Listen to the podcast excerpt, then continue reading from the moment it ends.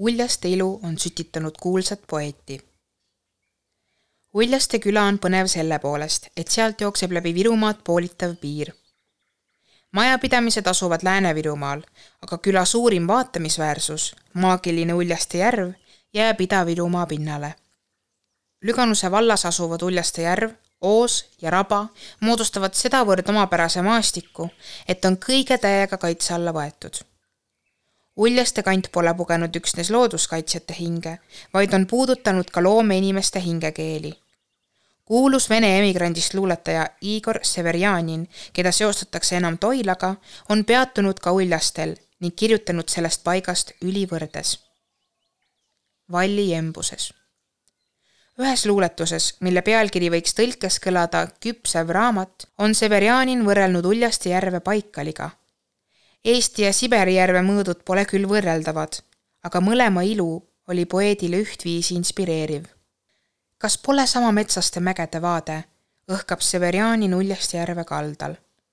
metsased mäed, millest poeet kirjutab, pole luuleline liialdus.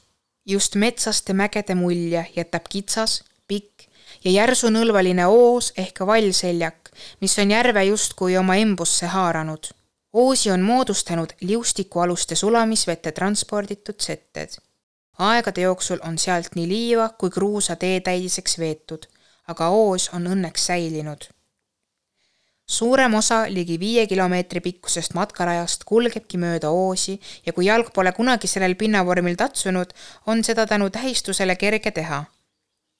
ise valin Uljaste maastikukaitse lavastamiseks kolletamispäeva aasta kuldseima päeva oktoobri keskel kolletamispäev oli vanadel eestlastel märgiks, et kõik asjad elus muutuvad, pajatab Alutaguse matkaklubi retkejuht Mari Liima.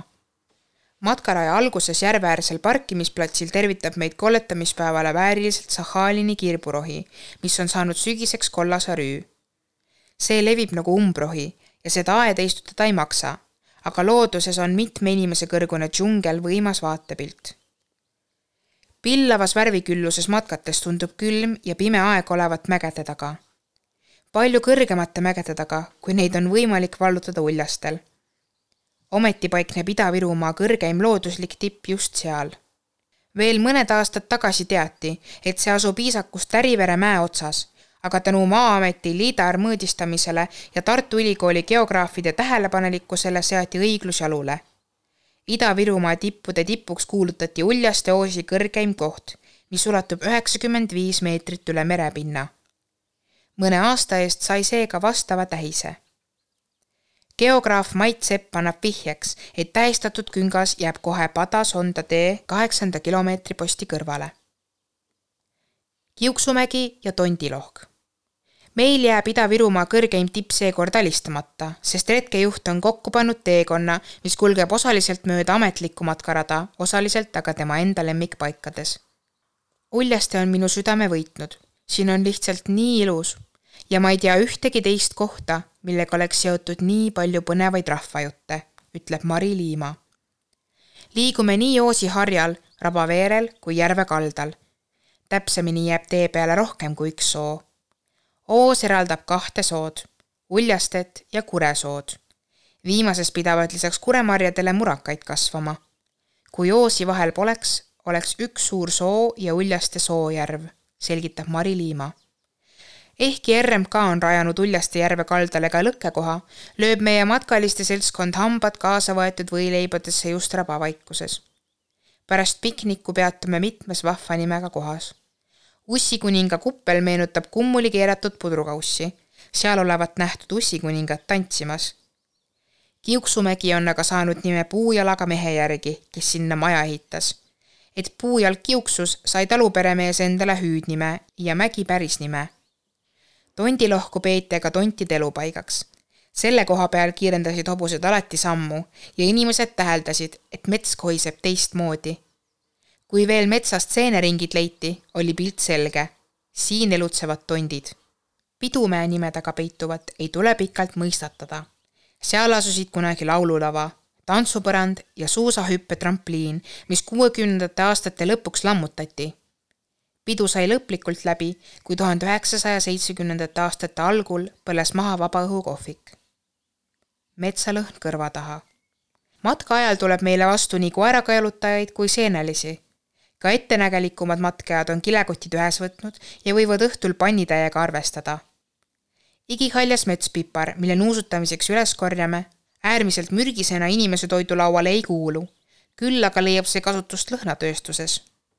näppude vahel mudides tuleb lõhn tugevamalt esile. paneme metsalõhna ka kõrva taha lõpetuseks katsume Uljasti järve vett ja mõistatame, mitu kraadi see võiks olla. Ka liivarannaga ujumiskohast on Mari Liimal pajatada üks rahvajutt. üks talumees oli juba üle kolmekümne aasta vana ja otsis aktiivselt naist. talvel tõi ta pruudikandidaadid alati järve kaldale ja ütles, vaata, ma olen kunagi rikas mees, see on minu suur nisupõld, siit tuleb hea saak. ega pruut teadnud, et lume all on hoopis vesi aga ega see talumees väga ei valetanudki, sest sellel ajal oli järv kalarohke. Kui öeldi, et poiss, mine too kala, sidunud too särgil kaelaaugu kinni, tõmmanud läbi vee ja pannitäis olnud korraga särgis. kalata pole järv praegugi. selle tunnistuseks on seal aastaid peetud kalapüügivõistlust Uljaste triibu. kaladest pidavat seal praegu valitsema ahven ja särg, leiduvad ka haugi folklorist Mall Hiiemäe teab pajatada, et muistsel ajal olnud Uljaste järv hiidhaugist vetevalitseja asupaigaks. Sabata, roheka sammaldunud seljaga hiidkala kehastas kalajumalust. Uljaste väärtused ei peitu ainult looduses ega rahvapärimuses, vaid see on oluline koht ka hilisemas kultuuriloos just Uljastele on paigaldatud sonda kunagisele koolipapale ja emakeelepäeva isale Meinhard Laksile mälestuskivi, ja just selle kivi juures võtsid läänevirulased idavirulastelt üle juubeli laulupeo tule. Sellega väljendati oma tänu Virumaa mehele, kelle algatusel heiskavad eestlased Kristjan Jaak Petersoni sünniaastapäeval, neljateistkümnendal märtsil riigilipud oma keeleauks ja seda juba üle kahekümne aasta.